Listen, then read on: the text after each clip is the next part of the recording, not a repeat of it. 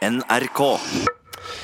I dag er det ti år siden kongen av pop, Michael Jackson, døde. Legenden som har fått ryktet sitt svertet av en rekke pedofilianklager i årene etter hans død.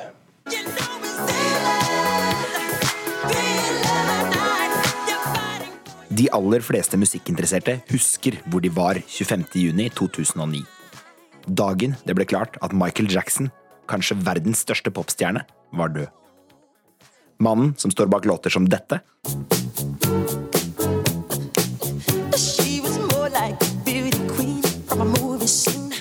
og dette,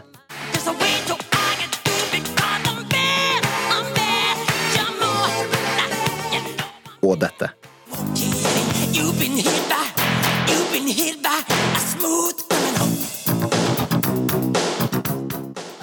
Mannen som i tillegg til å være kongen av pop, er blitt beskyldt for en rekke overgrep mot barn, senest i filmen Leaving Neverland, som hadde premiere tidligere i år.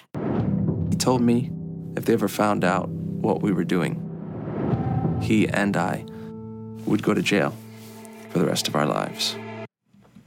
Til slutt hørte vi Wade Robson fra filmen 'Leaving Neverland'. Og reporter her, det var Brage Li Jord. Og vi ønsker velkommen i studio Pia Skjevik, musikkjournalist i P3. Hei. Hei. Hvor var du da du fikk beskjeden om at Michael Jackson var død? Du, da sto jeg og DJ-et da jeg eh, spilte heismusikk for de kanskje 20 aksjemeglerne som ikke gikk under i 2008, eh, på Nesøya. Og de, da, de ville ha veldig sånn um, avslappet um, chill house, på en måte. Eller egentlig ville de sikkert bare ha en jente i kjole med headset. Og så fikk jeg melding av en venninne som jobbet i VG, uh, hvor det sto eh, 'Michael Jackson er kanskje død'. Og da ble det Michael Jackson resten av kvelden. Ja, Men var det en lett avgjørelse å ta, hadde jeg nær sagt? Du skulle jo eh, Nei, altså Som stor fan, mener jeg. det var, jo, det var jo ikke noe alternativ der og da, på en måte. Og så hadde jeg jo da en sending på P3 eh, Nå jobber jeg jo i P1 for øvrig, men eh, på P3 dagen etterpå, hvor eh, det var Vi spilte Michael Jackson og gråt og lo og ja, i det hele tatt. Mm. Som man kanskje kan tenke seg, så er du her i studio fordi du har vært Michael Jackson-tilhenger i mange år. Eh, Sett fra et fanstandpunkt, hvor, eh, hvor mye har han betydd for popmusikken? Altså, det er jo eh, nå kommet en ny tidsregning, da. eh, når det kommer til Michael Jackson, som jo er på en måte før og etter den eh, dokumentaren. Men det er jo Altså, han har jo betydd alt for mange millioner mennesker over tre generasjoner. eh, noe som er helt unikt, på en måte. Men eh, men jeg skal være ærlig og si at jeg syns det, det er vanskelig med Michael Jackson nå. Fordi at den dokumentaren 'Leaving Neverland' har endret uh, ditt syn på Michael Jackson? Ja, altså For det første så kan man jo ikke på en måte use den. Uh, og til tross for at den er veldig ensidig, det er, altså, det er all All kildekritikk er berettiget i forhold til den dokumentaren, absolutt. Men det stiller jo mer de som uh, står frem i Altså Det er mer urettferdig overfor dem på en eller annen slags måte. Eh, Det stiller dokumentarskaperne i dårligere lys enn det gjør historien lite troverdig. Hva, det må du forklare. Nei, altså de har jo ikke uh, spurt altså Det er jo ingen fra Michael Jackson sin i gåsehudenes side som, som Det er ikke noe forsvar for Michael Jackson i sant? den. Den, er, den viser ett synspunkt bare, hele dokumentaren, og det er jo ganske eh, snevert for uh, tre timer med anklager, egentlig. At man ikke har to sider av en sak. Uh, noe som gjør den mindre um, Hva skal man si? Altså, Ikke mindre troverdig, men den, den kommer litt dårligere ut av det enn hvis noen hadde fått tilsvarsmulighet. Men er du nå av den mening at uh, Michael Jackson hva skal vi si, utførte pedofile handlinger? Det kan jo ikke jeg svare på. Uh, Men jeg uh, vil ikke lenger si at jeg hadde gått inn i en diskusjon og forsvart han nå.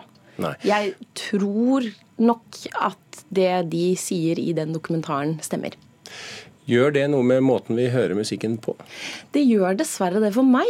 Eh, og det er jo utrolig synd, fordi Michael Jackson har jo vært en så viktig del av mitt liv også. Eh, men det var faktisk Jeg så dokumentaren en uke før den kom ut, og i går var første gang jeg hørte en Michael Jackson-låt.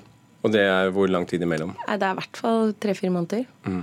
Du har eh, barn som liker Michael Jackson. Ja, og det er faktisk nesten for meg det største problemet. For jeg har ikke noe problem med at voksne hører på det, men det at eh, barna mine på da syv og ni står og synger Michael Jackson uten at jeg kan på en måte forklare dem hvorfor eh, Ja, jeg vet, det, det syns jeg faktisk er kjempe, kjempevanskelig. Ok, Så rådet til eh, alle de som hører på nå Rådet er jo altså Folk må jo høre på det de har lyst til å høre på. Jeg bare kjenner at Personlig så syns jeg det er litt komplisert fordi Ikke fordi man ikke kan skille kunst og, kunst og kunstner, men fordi det var musikken som Michael Jackson brukte for å tiltrekke seg disse unge guttene. På en måte. Plettet, med andre ord. Ja. Ja, ok.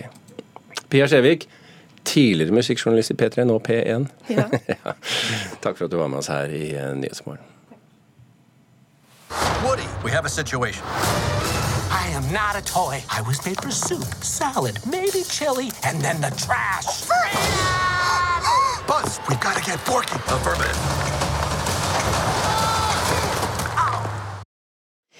Ja, We Have a Situation, kjent eh, for mange. Animasjonsfilmen Toy Story 4 hadde premiere i helga og har allerede tatt en stor rekord. Kulturreporter Vibeke Sederquist.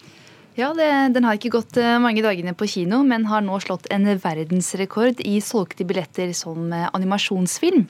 Filmen har spilt inn hele 238 millioner dollar, eller 2,1 milliarder kroner om du vil, ifølge BBC. Filmen handler jo om eh, levende leker som skal være der for eieren sin, og det handler mye om vennskap.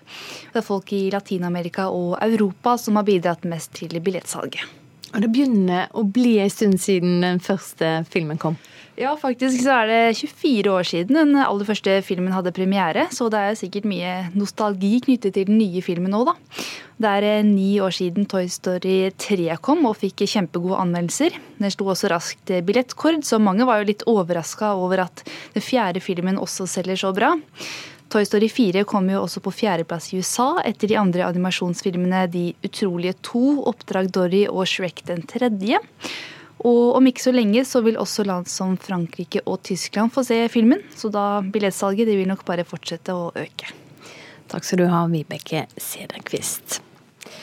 Så skal det handle om eh, barneteater, for også de aller minste barna fortjener kulturopplevelser. Det mener teaterregissøren Katrine Strøm, som har spesialisert seg på teater for de minste. I ettermiddag under Festspillene i Nord-Norge har hun premiere på ei helt ny forestilling for barn, kalla Rich.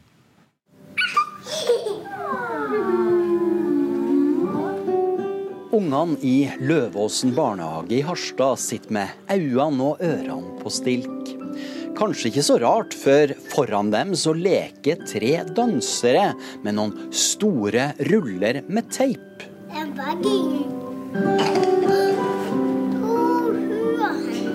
Altså, jeg tenker at barn er verdens eh, viktigste målgruppe. Eh, de er veldig nye i verden, og de har, men allikevel opplevd, vel, opplevd veldig masse, og de fortjener også kunst av høy kvalitet.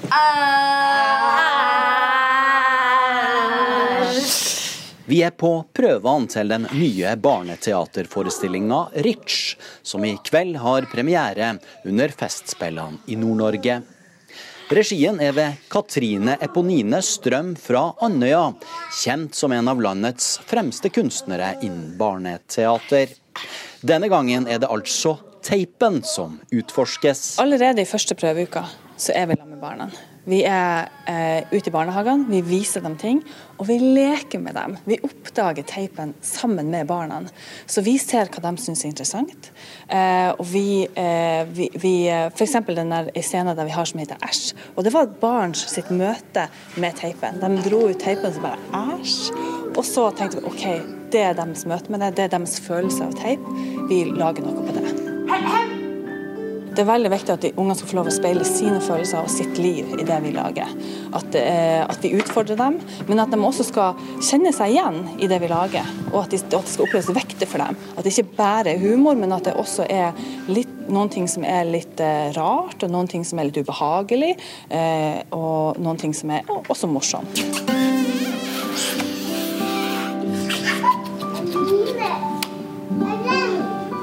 Store smil på både små og store i Løvåsen barnehage i Harstad, hvor Tone Holte Løvås er sjef. Hun syns det er stor stas å få et helt teaterensemble på besøk. Det var en helt fantastisk forestilling. Vi er, eh, vi er så stolte at de valgte å komme hit til Løvåsen. Nei, dere ser, de satt som noen tente lys, ja. Eh, så det at de kommer ut sånn og gir oss kultur på denne måten, er jo helt utrolig. Men hva sitter de små igjen med etter ei slik forestilling? Vi lot spørsmålet gå til Vilde og Ellinor. Eh, ikke helt som jeg hadde tenkt, da. Um, faktisk litt lenger. Det var jo morsomt. De hadde i hvert fall med seg klær. Um, det kom musikk. Har dere vært på teater før? Ja, jeg har vært på teater før. Oi! Jeg tror de må oppleve at, de har, eh, at det har kommet en litt sånn rar verden til dem. Og at de har, eh, de har jo sett noe som er både litt trist og noe som er litt ekkelt. og noe som er, At de har mange følelser, fått speila litt av sitt, sitt liv i det. Og så håper vi selvfølgelig at det skal inspirere til mer lek og mer utforskning. For det er jo sånn de møter verden, med utforskning. eh, Og prøve å smake og ta på. Og så har jeg bare lyst til å si en ting. Det er ganske stort for meg å tenke at jeg for veldig mange lager deres livs første opplevelse. Kunstopplevelse. For det at eh, De har så veldig masse, lang, masse framfor seg de skal oppleve, og de trenger også kunstnerisk kapital tidlig i livet. Og jeg har så lyst til at dette skal være med å forme dem, og kanskje får de lyst til å se mer teater og oppleve mer kunst. Reporterer i Harstad, Nils Meren og Rune Någård Andreassen. Anbefalt eh, kunst- og kulturopplevelser for barn, men hva med oss voksne? Eh, Hva skal vi gjøre i sommer hvis vi får eh, behov over oss for å oppleve kunst? Mona Palle Bjerke, kunstkritiker her i NRK, velkommen til Nyhetsmorgen i dag. Takk. God morgen. God morgen. Kort spørsmål. Hvor skal man dra for å oppleve god kunst nå i sommer? Det er selvfølgelig mye å velge i, men jeg syns jo at trønderhovedstaden er et veldig velegnet reisemål nå i sommer. Selvfølgelig for alle de tingene som alltid befinner seg der. Altså Nidarosdomen, den gamle kristkirken som har tiltrukket seg pilegrimer fra hele Europa gjennom århundrene. Eh, Dette er jo vår, ja, og vår eneste fullt utviklede gotiske katedral med strebebuer. Eh, Så det er det ene. Men på utstillingssiden på Trondheim kunstmuseum så er det hele tre svært severdige utstillinger. Oi. Det er altså maleren og modernisten Jakob Weidemann. Eh, som er i en stor utstilling, eh, retrospektiv, som viser hans kunstnerskap, og en annen utstilling med 90-årsjubilanten Håkon Bleken, 'Do Not Go Gentle'. Disse to utstillingene har begge vært på Høvikodden tidligere, så vil det være noen som har sett det. Og til god kritikk. Ja, og så er det AK Dolven på Gråmølna. Eh, og det er jo da en av våre suverent viktigste samtidskunstnere. Så her er det bare å kaste seg på Dovrebanen eller sykkelen eller eh, i bilen. Alt etter hvor man- befinner seg. Hva man enn gjør for å komme seg til Trondheim. Eh, Hva hvis man har tenkt å ta turen lenger nord, eller faktisk bor lenger nord? Ikke sant? Så kan man ta seg til Tromsø. Der er det jo selvfølgelig Ishavskatedralen, dette senmodernistiske signalbygget. Eh, og, som man må få med seg, men på utstillingssiden så har man på Nordnorsk eh, kunstmuseum en av de mange glemte kvinner i norsk kunsthistorie. Hun heter Betzy Akerslott Berg og er født i 1850, døde i 1922. Og i pressemeldingen da, så skriver man litt sånn, kanskje litt desperat for å nå en yngre målgruppe, at hun er en badass eh, marinemaler. Jeg tror nok jeg ville valgt et litt annet adjektiv, men jeg anbefaler absolutt folk å få med seg denne eh, veldig interessante kunstneren som er godt i glemmeboken for oss, for det meste. Så er det mange som reiser til Bergen eh, eh, på sommeren. Har de noe å vise frem der? Så Bergen er jo alltid et sted å reise. Det er en helt fantastisk by med kulturminner nesten på hvert gatehjørne. Og hvis man skal velge alt det fantastiske som fins fra eh, middelalderens Bjørgvin, så er, vil jeg jo anbefale Mariakirken, eh, som er en, et av våre flotteste eksempler på en tidlig middelaldersk basilika, med også rundbuethvelv og en romansk totårnsfasade. Og der kan man jo sitte og forberede seg på av årets aller mest spektakulære eh, utstillingsopplevelser, nemlig 'Krefter på kode'. Kode det er jo kunstmuseene i Bergen, og den viser da tre mektige kunsthåndverkere. Det er Torbjørn Kvasbø, hans kroppslige, heftige keramiske skulpturer. Kari Dyrdals spektakulære digitale vevnader. og sammen med Marit Tinglefs monumentale fat. Så dette er en utstillingsopplevelse som jeg absolutt anbefaler. I Oslo så driver man og flytter museene sine rundt omkring for tiden, så der er det kanskje ikke noe å se? Ja, Vi har jo et uh, museum som flytter, men er mer aktiv enn noen gang. Det er Munch-museet, og med dette fantastiske prosjektet Munch-museet i bevegelse. Uh, og så har vi jo Nasjonalmuseet som ligger fullstendig i dvale. Men vi skal ikke glemme at Oslo også er en gammel middelalderby, sånn at de varige tingene i Oslo er også verdt å se. Det er et helt nettverk av ruiner i den delen av byen som vi kaller gamlebyen. og da kan man gå til eh, Ladegårdens middelalderkontor og bli med på fantastiske omvisninger i dette nettverket av rester av denne byen som en gang hadde seks kirke, kirker og fire klostre.